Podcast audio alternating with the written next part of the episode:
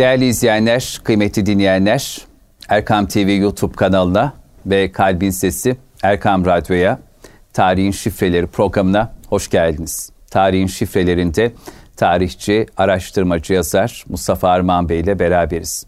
Hocam hoş geldiniz. Sizler de safalar getirdiniz. Hoş bulduk. Sağ olun efendim. Nasılsınız? Afiyettesiniz hocam. Çok Elhamdülillah. Rabbime şükürler olsun. Allah afiyet versin. Evet. Hocam içerisinden geçtiğimiz günler şehit Başbakan Adnan Menderes'in ve onun yakın dava arkadaşları, yol arkadaşları, e, Fatih Rüştü Zorlu'nun, Hasan Polatkan'ın şehadetinin 60. seneye devriyesini idrak ettiğimiz günler.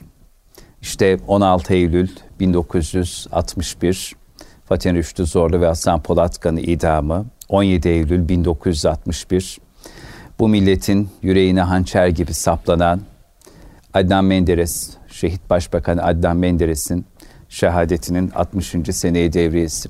Sizin bir kitabınız vardı ki ilk programlarımızdan birinde konuşmuştuk. Türkçe Ezan ve Menderes. Şimdi ise hayırlı olsun diyelim aynı zamanda Hümayun yayınlarından çıkan ilk kitabınız, yeni bir kitap. Ezan Şehidi Menderes. Biz de bugünkü programda Eyvallah. şehadetlerin seneye devriyesinde Adnan Menderes'i, Hasan Polatkan'ı, Fatih Rüştü Zorlu'yu konuşalım istiyoruz da biliyorum bu konuları konuşmak çok kolay da değil. Fakat e, Adnan Menderes'i ipe götüren sebepler, Adnan Menderes niçin asıldı, neden idam sehpasına çıkartıldı, nasıl bir süreçten geçildi ki yani Adnan Menderes'e böyle bir son reva görüldü. Biraz özetle bunlardan bahsedip evet. sonra sizden hem Menderes'i hem de o günü konuşmak isteriz efendim. Eyvallah. Bir kere hepsine rahmet diliyoruz. Cenab-ı Rabbil Aleminden rahmetler yağdırmasını diliyoruz. Çünkü bunlar idealist insanlardı. Evet. Memleket aşkıyla dolu insanlardı. O Osmanlı'dan, Osmanlı devrinde doğmuş e, ve oradan aldıkları o aile terbiyesi, o idealizm, o diğer gamlık, Tabii. millete hizmet aşkını Cumhuriyet devrinde tezahür ettirmiş. Ve bu millete en mühimi de o insan olduğunu tekrar hatırlatmış olan bir harekettir. Bu millete insan olduğunu tekrar hatırlatmış bir harekettir evet. diyorsunuz. Bunu Menderes'in özellikle hareketi. söylüyorum ki araya girmiş olan o bir çeyrek asırlık evet. bir tek parti idaresinin nasıl ceberut bir şekilde halka, köylüye, insana e, kendilerinden olmayan, kendi eleklerin üzerinde kalmamış olanlara nasıl muamele ettiklerine dair milyonlarca bilgi. İsterseniz Cumhurbaşkanı arşivine girin, isterseniz hatıratlara girin ya da şu an bile yaşayan birçok insan bunları anlatabilir size. Şimdi 1960 yılında darbenin hemen arkasından İstanbul'da tank e, Davutpaşa'da bir hı hı. tank birliği var. Onun e, içerisinde görev yapan Osman Şimşek diye bir yedek subay. Ben bunu buldum, konuşurdum. Komutanlar rica ediyor. Menderes'i Kütahya'dan İstanbul'a getiriyorlar. Kütahya'da hı hı. yakalandı ve orada da bir görgü şahidi. Ben hep böyle birebir bunlarla görüştüm. Ben diyor gördüm diyor. Gençtim. Menderes geldi ve orada bir komutan, hava komutanı demiş ki Sayın Başbakan gitmek istediğiniz bir ülke varsa bana sadece ismini söyleyin. Şu uçakla sizi kaçırayım. Menderes'e böyle ölümüne bağlı bir komutan. Menderes sormuş. Yok komutanım demiş ya. Siz demiş boş verin onu. Beni teslim edin şeye. Bu şekilde benim gözümün önünde oldu diyen şu an Kütahya'da yaşayan e, belki 100 yaşında bir İsmail Hakkı hocamız var Allah sağlıklı ömürler versin. Aynen. Bana bizzat kendi kulağıyla duyduğu, gördüğü bu sahneyi yani kaçma imkanı kendisine sunulduğu bir ortamda bile bunu kabul etmemiş. Milletime hesap vereceğim diye teslim olmuş birisi. İstanbul'a getiriliyor. İstanbul'dan da Yassıada'ya nakledilecek. 27 Mayıs darbesinden hemen bir gün sonra. Bir gün sonra, bir gün ya da iki Evet. gün sonra Ankara'ya götürülüyor. Ankara'dan işte getirilecek. O uçağa ben bindim diyor. Menderes'le böyle karşı karşıya oturuyoruz. Diğer ihtilalci subaylar da orada. Askerler silahlarıyla bekliyor diyor. Böyle göz göze geldik bana baktı. Öbürlerinden diyor göremediği şefkati ve yakınlığı benim gözlerimde görmüş olacak ki biz bu millete ne yaptık? Ah, Bizim suçumuz neydi? diye böyle diyor yakınmaya başladı. Kimse cevap vermiyor ben de veremiyorum diyor. Ama bakıyoruz böyle. Ben bizim suçumuzun ne olduğunu biliyorum. Bizim suçumuz bu millete yeniden insan olduğunu hatırlatmaktı diyor. Bana son sözü bu oldu. Şimdi bu çok önemli bir şey. Yani eğer 1950 öncesini şöyle bir toparlarsak yani bir bürokratik ceberutluk polis sadece polis asker değil yani maliye memuru bile e, efendim vergi tahsildarı bile kraldan çok kralcı kesiliyor o evet dönemde. yani geliyor tabii. köyde köyün ev, evinde ne var ne yok hepsini adam aldığı gibi bir de dayak atıyor. Eğer ya iki tane de bize yumurta bıraksaydınız dese bu sefer de dövdürüyor şeyi.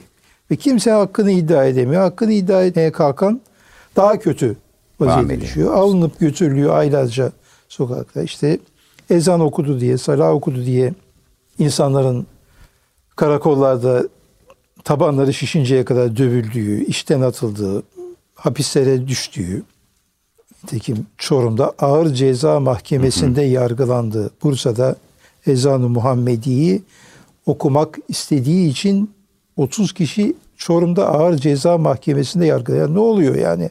Ağır cezada yargılanacak suç Allah demenin suç olduğu bir Türkiye'den bahsediyoruz. Şimdi hem maddi olarak zaten tükenmiş hem de manevi bari manevi bataryaları açık bırak da millet hani zaten karnı doymuyor. Ee, 300 gram günde böyle karma karışık bir ekmek e, diye bir şey veriyorsunuz insanlara karneyle. E bari manevi olarak insanları bırak da hayır orada da.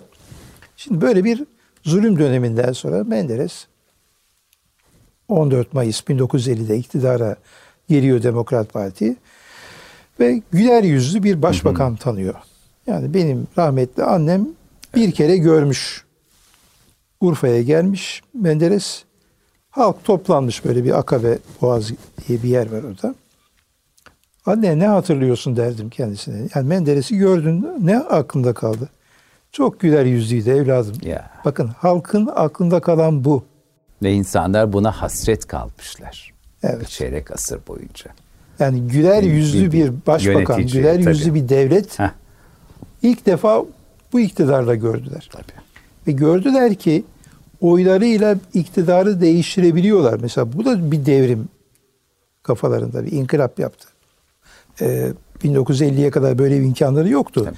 Seçim yapılıyor muydu? Göstermelik bir Evet, seçim. 46 seçimleri malum. 46 seçimleri yine biraz iyi çünkü 3 parti katıldı ama 46'dan 23'ten 46'ya kadar ki Tabii. o 4-5 seçim tamamen bir mizansendi. Yani tek parti var, tek aday var, e, tek liste var, tek sandık var E, ve zaten açıkta atıyorsun oyunu. Evet şu anda mesela gizli oy, açık tasnif. O zaman açık oy gizli Gizli. tasnif. Yani oyunu açık atıyorsun. 46'da da o yapıldı. Ama tasnifi devlet memurları bir odaya toplanıyor. Kimseyi sokmuyorlar. Diyorlar ki bu sandıktan bu çıkmıştır ve hemen sandıktaki oyları yakıyorlar. Yakmak zorunda. Yani kanun öyle çıkmış. Ondan sonra peşine düşüp de ya itiraz edeyim işte e, yeniden sayılsın falan böyle bir şansı bırakmıyorlar. Şimdi böyle bir ortamda mesela Aslanköy Mersin civarında bir köy hemen arkasından 46 seçimlerinin hemen arkasından 47 yılında muhtarlık seçimleri yapıldı. Şimdi 46 seçimlerinde Demokrat Parti kazandığı halde kaybetmiş gösterildi. Milletin oyları gasp edildi Ve aslında İnönü'nün son 4 yıllık Cumhurbaşkanlığı gasp edilmiş bir Cumhurbaşkanlığıdır. Ve son 4 yıllık CHP iktidarı gasp edilmiş bir iktidardır. Bunu milletin hı hı. bilmesi lazım. Bunu söyleyen de Fevzi Çakmak gibi bir mareşal Tabii. o zaman muharifti ve bunu açıkça ifade etti Celal Bayar vesaire. Şimdi bunun arkasında 1947'de Aslanköy'de enteresan bir şey oldu. Halk gitti kendi e, Demokrat Parti eğilimli bir muhtara oyunu verdi. Fakat CHP müfettişleri gittiler bu seçimi iptal ettiler. Seçimde hile yapılmıştı diye. iptal ettiler. İkinci bir seçim yapıldı. İkinci seçimde halk yine o kendi benimsediği adayı seçti. Ve bunun üzerine tekrar bir heyet gelince halk sandığı aldı dağa kaçtı. Sandığı vermedi. İradeye alıp, böyle sahip çıkıyor halk. bakın 1947'deki Aslan köylülerin bu demokrasi şuuruna bakın. Müthiş. Oyuna sahip çıkma iradesine bakın. Hani bizde halkı böyle koyun gören bir anlayış var ama bunlar hepsi adım adım yaşandı bu ülkede. Ve jandarma kovalıyor, halk kaçıyor. Jandarma kovalıyor, halk kaçıyor. Sandığımı vermem diyor. Çünkü siz alıp bunun içindeki oyları değiştireceksiniz. Gizli tasnif diye bir oraya koyacaksınız.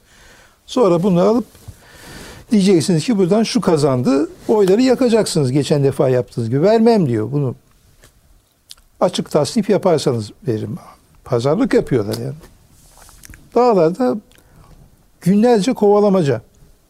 En son bulamıyorlar. Tabii köylü daha, daha iyi bildiği için. Bunun üzerine dönüyorlar. Bütün köy halkını Selahattin'ciğim. Çoluk çocuk emzikteki çocuktan 80 hı hı. yaşındaki neneye kadar hepsini tamamını hapse atıyorlar. Tabii köylü dağdaki yani sandığı kaçıran köylüler haber alıyorlar. Tabii hepsinin çoluk çocuğu, annesi, babası, hanımı o vaziyette mecbur kalıyorlar teslim olmaya ve sandığı getiriyorlar. Getirmezseniz bunlar buradan çıkmaz diyorlar. Hı hı. Bakın ceberutluğa bakın. Zulme bakın.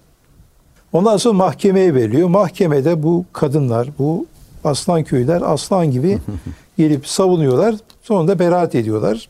Ama işte neyse e, şimdi 48 47'den 50'ye kadar bu mücadelelerle geçildi. İşte Senirköy vakası var, bilmem ne var. Bir sürü bir sürü böyle olaylar var. E, 1950'de millet işte yeter söz milletindir Milletin. sloganı bir tokat gibi o tek parti iktidarına inmiş oldu. Ve ondan sonra halk Menderes'ten bir şey istedi. Ezan-ı Muhammedi'yi aslına döndürme. Bu talep bizzat Menderes'in kendisinin vaat ettiği bir şey değildi. Çünkü ne de olsa CHP'den çekiniyorlardı bunlar. E, seçimde böyle bir vaatte bulunsalar e, vay siz irticayı hortlattınız diye partiyi kapatmaya kalkacaklar. Onun için Menderes bu hususta şey yapmadı. Fakat her gittiği yerde insanlar kendisinden bu talepte bulundu. Yani birincisi bize serbest bir oy hakkı tanınması, hürriyet. O zaman hürriyet diyorlardı buna. İkincisi de yine din hürriyetinin bir parçası olarak da ezan-ı Muhammedi iade. Ee, hatta ben Gediz'de mesela böyle bir e, zatın oğluyla konuştum. Dedi ki gelmişler buraya ilk açık hava mitingini Gediz'de yapmışlar. Seçimlerden? Yani, evet 1950 seçimlerinden hemen önce seçim kampanyasında. İşte size şöyle traktör getireceğiz. Tohumluk, buğday, işte büyükbaş hayvan vesaire. İşte köyünüz gelişecek, elektrik gelecek, su gelecek falan. Bunlar zannediyorlar ki millet coşacak, heyecanlanacak, işte yaşa var ol falan diyecek. Köylü dinliyor, dinliyor. O konuştuğum zaten babası Celal Bayar'a diyor ki, benim diyor çok güzel konuştunuz. Eyvallah bunları yaparsınız. Ama siz bize şunu söyleyin. Ezan-ı Muhammedi'yi aslında çevirecek misiniz, çevirmeyecek Allah misiniz? Allah. Ya orada o kadar şaşkınlığa uğruyorlar ki bunlar millet ya yaması olmayan köylü yok. Ayağında delik ayakkabılar, işte başında düzgün bir e, şapkası bile olmayan, sırtında yamalı hırkalarla dolaşan, yani 1950 Türkiye'si, 50 öncesi Türkiye'si böyle bir Türkiye'ydi. Ama derdi ne, meselesi ne, isteği ne? Bunlar olur. Ya Yol gelir, elektrik gelir, para gelir. Ama sen ezanı geri getirecek misin? Bize onu söyle. müthiş. Orada şok yaşıyorlar. Ya bu milletin talebi asıl manevi talep. Ondan sonra yavaş yavaş bu yönde taleplere olur yaparız ederiz falan diyorlar. Neyse. Hemen zaten bir ay sonra 16 Haziran'da bu kanunu meclisten geçirip e, serbest bırakıyorlar ezanı Muhammedi'yi ve o gün işte 16 Haziran 17 Haziran günleri ulaştığı yerlerde bu haberin e, hemen ezanı Muhammedi okunuyor ve halk büyük bir tabii coşku halinde şunu söylüyor. Sanki düşman işgalinden kurtulmuşuz gibi bir sevinç içerisindeyiz. Şu hale bakar mısınız? Yani sanki bir Fransız girmiş, İngiliz girmiş. Ezanı yasaklamış. O düşman işgali bitiyor. Ondan kurtuluş gibi algıladık diyor o zaman. E, ve e, yine o nesilden birisinin e, kitabında anlattığına göre işte biz Menderes'in şu bu gibi bir takım sebeplerle idam edildiği söylendi ama esas sebep ezanı aslına adet ettirmesidir. O ezan şehididir bizim gözümüzde ki benim kitabımın ismine de Ezan şehidi. e, babalık yapmış oldu bu ifade. Şimdi bu mesela güzel bir açılım oldu ve hemen bundan önce enteresan bir icraatı daha var Menderes'in. Neydi hocam o? Aslında ilk icraatı ezan değildir. Ezan kanun olarak ilk icraatıdır. Ondan önce bürokratik bir tasfiye yaptı. Nerede yaptı bu tasfiye? Ordu'da yaptı. Ordu'da bütün kendisine engel olacak bir tamamen CHP'li e, ve bizim 28 Şubat benzeri bir yapılanma vardı. Bunlar işte İnönü ile görüşüyorlardı. Onlarla çok yakın, onlardan emir alıyorlardı filan. Ve geldi. Menderes baktı ki bunlar kaldığı sürece e, nasıl 15 Temmuz'da bir tasfiye yapıldıysa ona benzer bir tasfiyeyi o zaman binlerce generalinden ne kadar galiba 2000 civarında emekli etti. Ordu'da büyük bir subay tasfiyesi gerçekleştirdi. Bundan sonra önü açıldı. Ve e, ezan-ı Muhammedi'den sonra tabii diğer ekonomik şeyler, şunlar Kalkınma bunlar geldi. programı 1951'e doğru gittiğimizde de bu defa 50'nin sonlarında radyoda Kur'an-ı Kerim okundu. Bakın bugün ne kadar bizim için alışılmış, normal kabul ettiğimiz bir şey. O zaman halk radyosunun başında hüngür hüngür Evet. ağlıyor. İlk defa Kur'an-ı Kerim duyuyor. Caz müziği yok bilmem işte Yurttan sesler Mozart'ı bilmem neyi zorla bu millete Mozart'a bir şey demiyorum. Mozart bir sanatçıdır ama yani bu milletin kültüründe olmayan bir şeyi ona dayatmaya biz karşıyız. Yoksa Tabii. sanat sanattır ayrı bir şey. Meraklısı dinlesin. O dönem hocam hatta kişiye özel yani yok şu türküyü sevmez, bu türküyü sever. Sanat Evet. musikisinde yok şu eser sevilmez. Bunlar yasaklan. Türk sanat musikisi Tabii yasaklandı. yasaklandı bu ülkede. Radyoda Tabii tabii tabii. çalınması, işte icra edilmesi hatta Tabii. şeylerde de e, toplu yerlerde de çalınması Tabii. yasaklandı ve böyle bir dönem yaşadı Türkiye. Şimdi madem bahis açıldı onu söyleyelim yani bu yasaklar dönemi. Şimdi bir defa basın yasakları bir. İkincisi sanat üzerinde bir baskı var. E, basında mesela ne oluyor? E, İnönü ailesi Uludağ'da kayak yapmaya gitti. Şimdi bunun nerede yayınlandığını tahmin edersiniz. Hani üçüncü sayfada, beşinci sayfada zannedersiniz ama Manşet. hemen Sürmanşet. manşetin yanında İnönü ailesi Uludağ'da kayak yapmaya gitmiş. Ne kadar mühim bir Ya, hadise. Nasıl hayati bir hadise. Yayınlamazsan şimdi bunu sana gönderiyor. Göreyim seni yayınlamazsın. Gönderiyor. Yayınlamazsan zaten ertesi gün İran'ın yani basın İran kurumu İran'ı kesiyor. Dımdızla kalıyorsun ortada. Ondan sonra e, şey yapmak için Tabii. tekrar kanalları açtırmak için uğraşman gerekiyor vesaire. Şimdi basın üzerinde anlatabileceğim yani bunlar o kadar bir şey ki mesela Sabahattin Ali değil mi? Şimdi sorsan solcular Aa işte şöyle büyük yazar böyle büyük yazar. Peki bu büyük yazarı madem büyük yazar kitaplarını yasaklatan kim? Sizsiniz 1936'da 38'de Sırça Köşk. Sırça Köşk'te kimi anlatıyor Sabahattin Ali? Şimdi hikaye gibi okuyorsun ama Ya o dönemin o komprador e, elit CHP'lilerini anlatıyor. Onlar Sırça Köşk'te yaşıyor. Halkla irtibatı yok. İşte okuyun oradaki çelişkiyi anlatıyor adam. Ama hemen Bakanlar Kurulu toplanıyor yasaklıyor. saklı. Bunu yasaklayan Demokrat Parti değil zaten. Demokrat Parti'nin iktidara gelmesinden iki yıl önce öldü, Öyle. öldürüldü. Tabii. 48'de. Kitapları yasaklandı, hapislere girdi. Sinop Defalarca girdi. cezaevinde aldırma gönül aldırmayı Yani kaleme onu- aldı tabii. o onu- tabii. Meşhur. Şey, şey gibi okuyorsunuz ya, işte ya sanki böyle efkarlanmış falan adam zulüm altında. tabii. Ve bu öldürülme olayı, katli yani kafası taşla ezilerek bir sanatçının öldürülmesi ne demek yani böyle bir hadise yaşandı bu ülkede.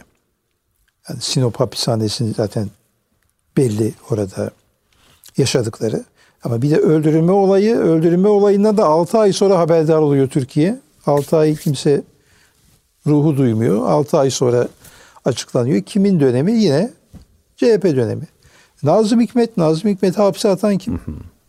1938'de girdi. 1950'de Menderes af kanunu çıkartınca çıktı. Yani şimdi öyle bir algı yayıyorlar ki sanki Menderes hapse atmış bunlar kurtarmış gibi ya. Yok öyle bir şey. Ya tam tersine yani bütün İnönü dönemini hapiste geçirdi bu adam. Menderes af kanunu çıkarınca bu adam dışarı çıktı. Ve yine yurt dışına kaçmasının sebebi CHP döneminde çıkarılan askerlik kanunu sebebiyle. Bir insan ne kadar yatarsa yatsın askerlik düşmüyor üzerinden. İsterse 100 yaşına gelsin. O askerlik için tekrar yakasına yapışıp askeri alıyorlar. Nazım Hikmet de ya ben bu 15 sene yattım, o 14 sene. Ee, ya bu yaştan sonra artık beni askeri alıp orada içeride şişleyecekler mi? Ne yapacaklar? Korkuya kapılıyor ve kaçmak durumda kalıyor. Yani bu kanunu çıkaran da Menderes değil. Daha önce çıkarılmış 1930'larda çıkmış bir kanun gereği yakasına yapışılacak. O o şekilde yurt dışına kaçıyor. Sonra Stalin beni yarattı falan gibi bir takım saçmalıkları da söylüyor. Şimdi 1950'de af da çıkartıldı. Umumi bir af çıkartıldı. Ve e, Kur'an-ı Kerim sadece radyolarda okunması serbest bırakılmadı. Kur'an kurslarının yeniden açılmasının sağladı. O zamana kadar 1930'lardan 50'lere kadar bütün Türkiye'de 7 tane Kur'an kursuna müsaade ediyorlardı. Legal, yasal olarak. Bu 7 şeyden bir tanesi işte Nur Osmaniye, Evet. e, Hasan Akkuş, Ların merhum Hoca Efendi'nin e, Kur'an kursu. İşte Türkiye'nin ye- galiba bir Konya'da var ve ve Kayseri'de var falan. Ve burada da zaten talebe sayısı öyle binler falan filan değil. Yani 50-60 tane talebe zar zor işte zaten kalkacak da gelecek İstanbul'da ya da bir başka bir yerde dışarıdan birisinin yapması. Hani ancak böyle artık e, idare edecek şeydi ama birçok yerde artık o yaşlı nesil hocalar ölüyor ve yeni nesil onların yerini dolduracak yeni nesil hocalar yetişmiyor. Bunun üzerine işte 1950'nin ikinci yarısında bu defa Kur'an kurslarının açılması için bir serbestlik tanınıyor. 1951'de de o zaman marif vekili olan Tevfik İleri Türkiye'de İmam Hatip Evet. e, liseleri açılması için harekete geçiyor. O da 7 İmam Hatip'le başlıyor. İstanbul, Kayseri vesaire. E, bu İmam Hatipler e, açılıyor. E, hatta ben Kayseri İmam Hatip'te okuyan e, Yusuf Karaca Hoca vardı. Ondan e, dinlemiştim. Biz diyor İmam Hatipliydik ama öyle bir baskı vardı ki üzerimizde diğer okullar ve öğretmenler ve hı hı. okul talebeleri tarafından böyle sanki biz paryayız, biz böyle sığıntıyız oraya. Yani bizi talebeden bile görmeyen hatta dışarıdan matematik hocası diğer okullardan falan gelirdi. Böyle adeta böyle bizim hiçbirimizle temas etmeden gelir dersini verir ve verdiği anda hiç öğretmenler odasına bile uğramadan kaçar giderlerdi. Bu vaziyetteydik. Böyle bir tamamen itilip kakılan bir konumdaydık diyor. Peki hocam o, o zaman İmam Hatip'e e, kayıt yaptırmak isteyen, İmam Hatip'e gitmek isteyen gençler sen cenaze yıkayıcısı mı olacaksın? Ne işin var? İmam Hatip'te diyorlarmış yani düşün. Aynen. Evet. Aynen. Bu psikolojiyle biz başladık ve o kadar hani şeyi altındayız ki her taraftan tazik taşlanarak devam ediyoruz. Tevfikileri Kayseri'ye geliyor. Milli Eğitim Bakanı. Hı. Trenden iniyor ve birçok anlı şanlı okul varken hiçbirine uğramayıp direkt İmam Hatip'e geliyor. Helal olsun. Şimdi bütün Kayseri'de bu Çok bir hadise oluyor. Tabii, tabii. Direkt geliyor ve bunlara bir konuşma yaptı diyor. Böyle hala diyor aklımda siz gelecek Türkiye'yi kuracak olan e, gençlersiniz. Bakın hiçbir okula gitmedim size geldim. Helal olsun. Sizin bu ülkenin temelinde çok emeğiniz geçecek şöyle olacak böyle bize bir gaz verdi. Hmm. Bizi bir anda toparlandık kendimize geldik yani o üzerimizdeki kompleks e, küllerinden adeta orada sıyrılmış olduk. Şimdi bu şekilde bir manevi bataryaları doldurma faaliyeti başlattı. Ee, ekonomi o dönemde çok e, daha önce çok baskılandığı için birdenbire gelişti ve hakikaten Türkiye 1950 55 arasında çok hızlı bir büyüme trendine girdi. Fakat tabii karşı tarafta bu bir şeyi 1954 seçimlerinde çok daha büyük bir oy yüzdesiyle bizim demokrasi tarihimizde bir rekordur. Yüzde 57. Demokrat Parti'nin Demokrat oyu. Parti. Yani düşünün Cumhuriyet Halk Partisi'nin 30 milletvekili var mecliste.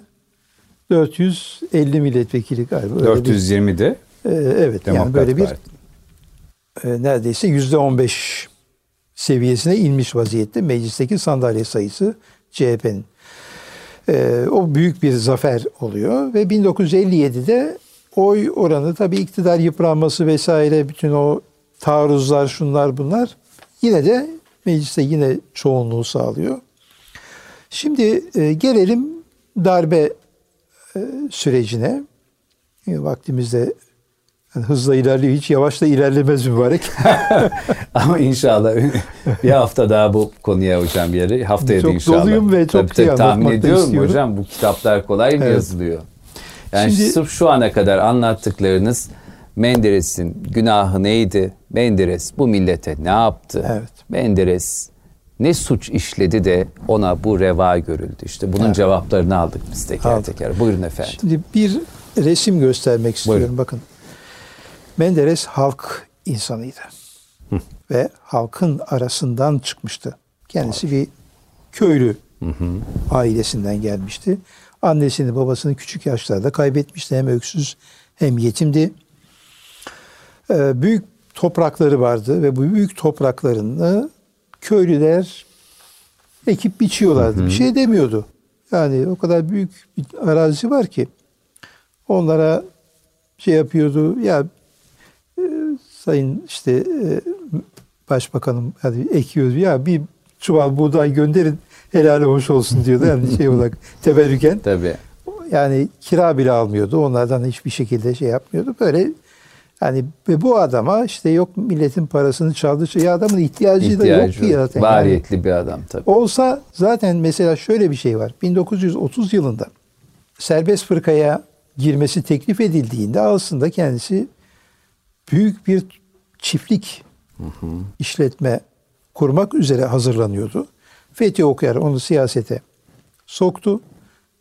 Serbest Fırka Aydın il başkanı oldu. Sonra CHP Serbest Fırka kapanınca baktı ki bu adam çok cevval onu aldılar. Ama CHP'de 1945'te ilk isyan bayrağını açıp mecliste bütçe görüşmelerinde çok ağır bir şekilde CHP'nin kendi partisinin ekonomi politikasını tenkit edince partiden İpler ihraç koptu, edildi. evet. İhraç edilince diğer ayrılan Celal Beyar, Koraltan, Köprülü gibilerle bir parti kurulması için çalıştı ve 46'da Demokrat Parti'yi kurdu. Mücadelesi böyle geliyor. Aslında siyasete girmek istemiyordu. Siyaseti şeyde büyük bir iş adamı olacaktı kendisi. O kadar büyük bir arazisi var ki bunun üzerinde işletme kurup ama e, kader bu şekilde tecelli etti kendisine ama halktan hiç kopmadı.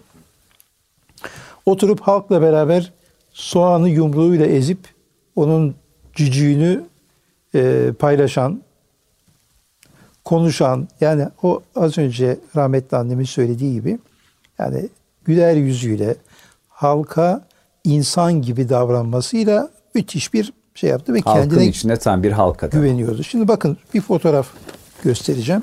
Evet. Şimdi şu fotoğrafta bakın etrafında koruma yok. Bu Kızılay'da gençler miting yapıyor.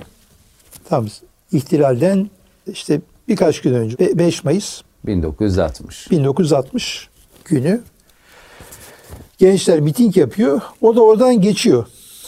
İhtilalden gençler- 15 gün önce filan yani. Evet. Ha, Bu gençler ne istiyor, ne yapıyor diyor. Ben işte bilmem özgürlük istiyorlar falan. Aralarına dalıyor. İşte bu fotoğraf o. Bakın ne kadar kendine güveniyor. Hani arabanın üzerine yumruğuyla vuruyor. Gençler işte şöyle yapmayın, böyle yapmayın. Bu resim yani o korkan, çekinen e, işte sinik bir hani biz genellikle bir yanlış yapıyoruz. Menderes'i Yassıada'daki imajıyla öne çıkartıyoruz. Bu Çok Halbuki- yanlış bir Tabii. şey. Yani Menderes bu işte. Yani mücadele eden ve müthiş bir hatip, müthiş bir polemikçi. Ya düşünün İnönü ile karşı karşıya çata çat mücadele ediyor. Ona karşı paşa düş bu milletin yakasından artık. istemiyor seni diyebilen ve bunu çok az siyasetçi söyleyebilmiştir. Bu mücadeleyi ta 1945'ten 60'a kadar veren çok iyi bir de siyasetçi olduğunu bilmemiz lazım. Bu mücadele sonunda işte 1960 darbesini yapmak istediler ve şöyle de bir şey diyorlar. Ya zaten Demokrat Parti'nin oyu azalmıştı. zaten dev, devrilecekti. Bir seçim yapılsa kaybedecekti. Peki bir seçim yapılsa kaybedecektiyse darbeyi niye yaptınız? Ya Darbeyi niye yaptınız? Bekleseydiniz erken seçimi ilan etti. 3 ay içinde seçim yapılacaktı. Mayıs'ta Eskişehir mitinginde bunu açıkladı. tabii. E bekleseydiniz madem ama biliyorlardı ki halk kendilerini seçmeyecek. Halk yine tamam belki 54'teki kadar 50'deki Sıçramayacaktı kadar ama. yüksek oy almayacak ama yine oyların büyük bir kısmını Menderes alacak. Bunu böyle olduğunu bilmeseniz niye darbe yaptırdınız? Değil mi? Seçim zaten yapıldığında size geçecek idiyse. Ama biliyorlardı ki bu halk kendilerinden nefret etmiş. 1950'den sonra bir daha zaten iktidar yüzü Göremediler. göremediler. Bir Ecevit döneminde o da tek başına bir iktidar Bir koalisyonla olmadı. tabii. Koalisyonla, 77'de, evet. milletvekili transferiyle vesaire e, bir şey yaşadılar. Onun dışında bir seçim kazanma şansları olmadı. E, olmayacak da. Bundan sonra da bu kafayla olmayacak. Şimdi e, darbe 1960 yılının 27 Mayıs'ında e, bir baskın şeklinde gerçekleşti E, ve bütün şimdi mesela ilk açıklama neydi? Alparslan Türkeş'in e, radyoda yaptığı açıklama 03 galiba. Evet. Kardeş kavgasını bitirmek için ordu müdahale ediyor. Şimdi kardeş kavgası nedir? İki kardeş kavga ediyor. Baba ne yapar? Hani çok şeydi bir tokat ona vurur, bir tokat buna vurur değil mi? Yani bitirmek için.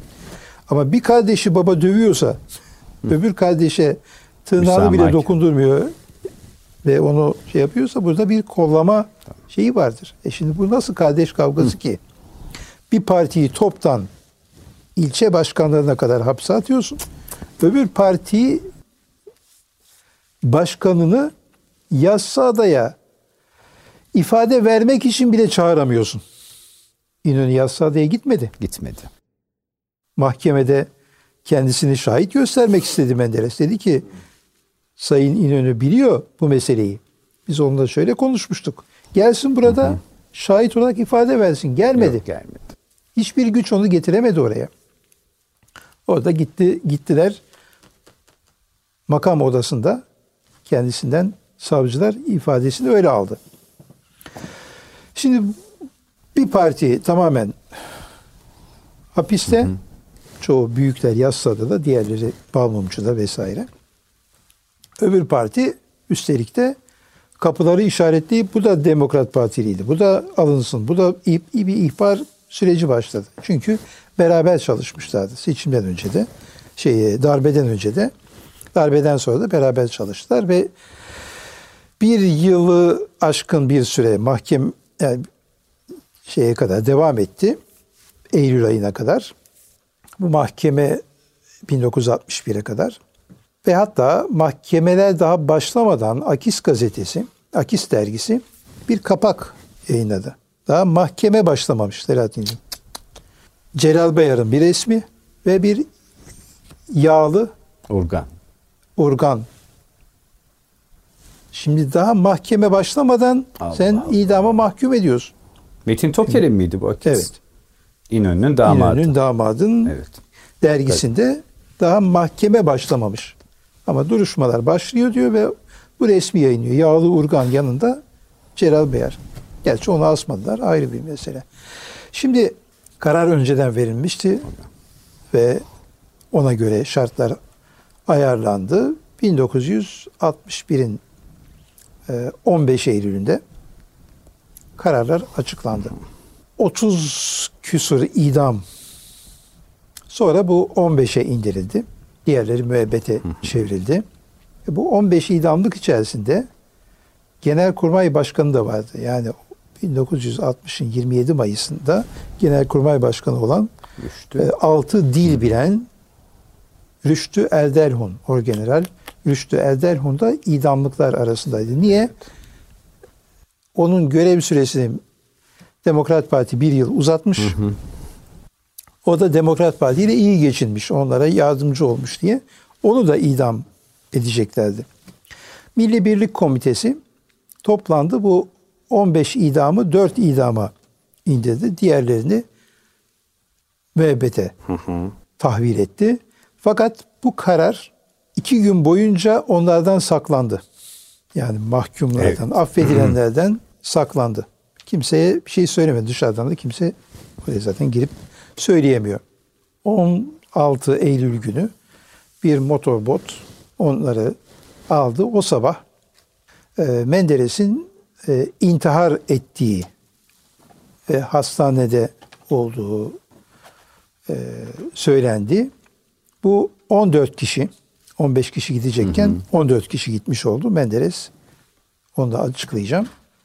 E, ağzından köpükler gelirken bulundu güya E, ve denildi ki işte intihar etti. Şimdi bu intihar meselesini de bir programda isterseniz ayrıca açıklayayım. Çünkü bu da nasıl Sultan Abdülaziz'e intihar ettiği iftirası atıldıysa Menderes'e de bu iftira atıldı. Neymiş? Atıldı. 34 tane ekvanil hapı bugün bile piyasada bulunan bir hap. Evet. 34 tane ekvanil hapını güya her gün bir tane almış. Kibrit kutusunun içerisinde saklamış. Bu 34 hapı birden yutmuş, intihar etmiş. Burhan Apaydın, Menderes'in avukatı mahkemede hakim bey dedi. Bu dedi ekvanil hapı. Bu da bir kibrit kutusu. Ben bu 34 taneyi şuraya topluyorum. Bunu kibrit kutusuna doldurmaya çalışıyorum. Dolmuyor. Yarısı dışarıda kalıyor.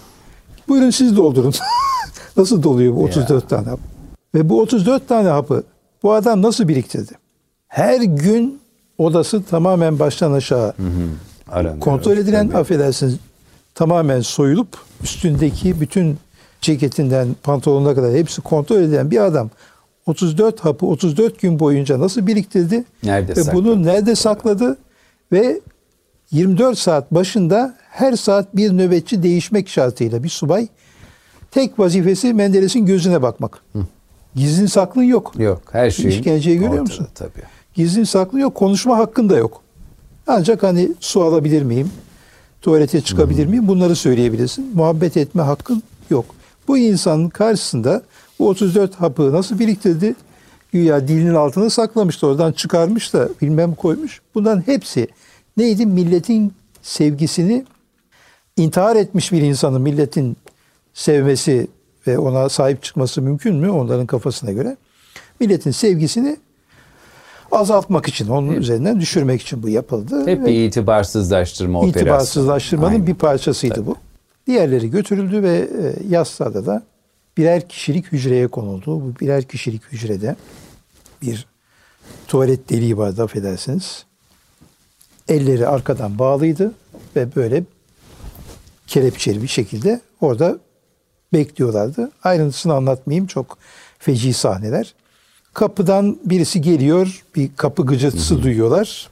Kimin götürüldüğünü anlamaya çalışıyorlar. Onun için de kendi aralarında yoklama yapıyorlar. Evet. Ee, Ahmet, Mehmet, Agah orada mısın? Ses gelmiyorsa o gitmiş demektir. Yani aralarında böyle bir şey kurmuşlar. İşte Polatkan, Hasan Polatkan, sonra Fatih Rüştü Zorlu götürülüyor. Diğerleri bekliyor ama onlara bir şey demiyorlar. Bu iki idam gerçekleşiyor. Ee, onlardan sonra bir iki saat sonra gelip diyorlar ki siz affedildiniz. On, onları alıp Kayseri cezaevine götürüyorlar. Ertesi gün e, Menderes'in güya midesini yıkayıp tekrar onu da getirip 17 Eylül 1961 günü gündüz vakti idamlar gece yarısı yapılır. Kimse görmesin, karanlıkta olsun diye. Gündüz vakti saat iki buçuk e, civarında bu idam gerçekleştiği anda o zamana kadar açık olan gökyüzünden birdenbire bir yağmur yağdığını tüm görgü şahitleri e, böyle bir ifade kullanıyor ve adeta hani bir rahmet Tabii. yağdı üzerine diyorlar. Hatta o an uçan kuşları görenler var. Değil mi? Evet. Bunu kitabımda e, bütün teferruatıyla anlatma imkanı buldum. Ve hakikaten yani bir büyük bir insan. Kendisi belki yaşayış olarak da bir siyasetçi olduğu için çok dini yönü e, fark edilmedi o koşturmaca falan içinde ama içinde bir cevher var ve Menderes'in e, bu cevherini Necip Fazıl fark etmiş ki Ey Menderes, ah Menderes, aman Menderes. Sen sendeki cevherin farkında değilsin. Öyle bir cevher Cenab-ı Hak sana vermiş ki onu bir patlatabilsen bu milleti tekrar ayağa kaldırabileceksin diye onu ikaz etmiş ve hakikaten o cevher millet tarafından sezilmiş. Öyle hocam. Ee, ve yaptıklarıyla da milletin kalbinde taht kurmuş. O tahtı kimse yıkamaz ve yıkamadılar. Yıkamadılar. E, yıkamayacaklar da Evet inşallah. 60 yıl olmuş e, yıkamadılar. Allah'ın izniyle dediğiniz gibi yıkamayacaklardı. O zamanlar Bediüzzaman Hazretleri olsun, Süleyman İlmi Tunahan Hazretleri olsun, işte e, Ali Haydar Efendi olsun, Ya. Musa Topbaş Efendi, sahibi Ya. vefa hepsi Sami Efendiler. Yani Menderes'e nasıl dualar ediyorlar, Ayasofya'yı açması için Ya. ona umutlar bağlıyorlar ki hakikaten o noktada da çok kıymetli hizmetleri, çalışmaları var. Hanedan mensuplarına yaptığı yardımlar e, böyle. İnşallah hocam eğer olur derseniz bir virgül koyar bir sonraki programda. İnşallah. Çünkü Fatih Rüştü Zorlu'yu, Hasan Polatkan'ı ve tabii daha Menderes'i çok konuşmak lazım. Biraz daha kitaptan yola çıkarak da konuşalım. O dönemin- Menderes'i unutmayacağız, unutturmayacağız hocam. İnşallah. Yeni Yani- nesillere de inşallah bu kitaplarınız vesilesiyle, bu programlar vesilesiyle tanıtmaya Evet. devam edeceğiz. Yani bu iftiralara Heh. maruz kalmış bir insana sahip çıkmak, o Tabii. mağduriyetini anlatmak en büyük vazifelerimizden birisi. Mesela şu şeyi görelim mesela. Evet. Böyle iftiralar güya gençleri öldürtmüş. Ah ah ah. e, buzhanelere koydurmuş cesetlerini. Hmm. Onları daha sonra tavuk yemi yapıp Tabii. et balık kurumunda efendim tavuk Tabii. yemi olarak Bu piyasaya nerede çıkmış? Söz dönemi sözde muteber gazetelerinden Evet. biri Cumhuriyet'te İşte. 2 Haziran 1960 darbeden 5 gün sonra çıkan bu, bu sahnelerde ceset arıyorlar. İşte. E, sonra bulamayınca bir yalan daha atıyorlar. Asfaltların altına gömdü bunu diye asfaltları kazıyorlar bulmak. daha Yani ne şimdi bebek davaları şunlar Yani bu- bunlar. iftiralara karşı dikkatli olmak lazım. Bugün dahi Tabii. bu iftira mantığı, bu yalan mantığının, yalan rüzgarının nasıl e, peş peşe her gün, her saat devam ettiğini bilelim ve geçmişten de ders alalım, ibret çıkaralım. E, buna karşı müteyakkız olalım. Tarih Müteyakkız, bizi uyandırmak için var. Evet, Adnan Menderes'in ölümünden önce Gıyasettin Emre'ye ulaştırdığı mektuptan sadece şu cümleyle de bugünkü programı noktalayalım. Devam edeceğiz inşallah.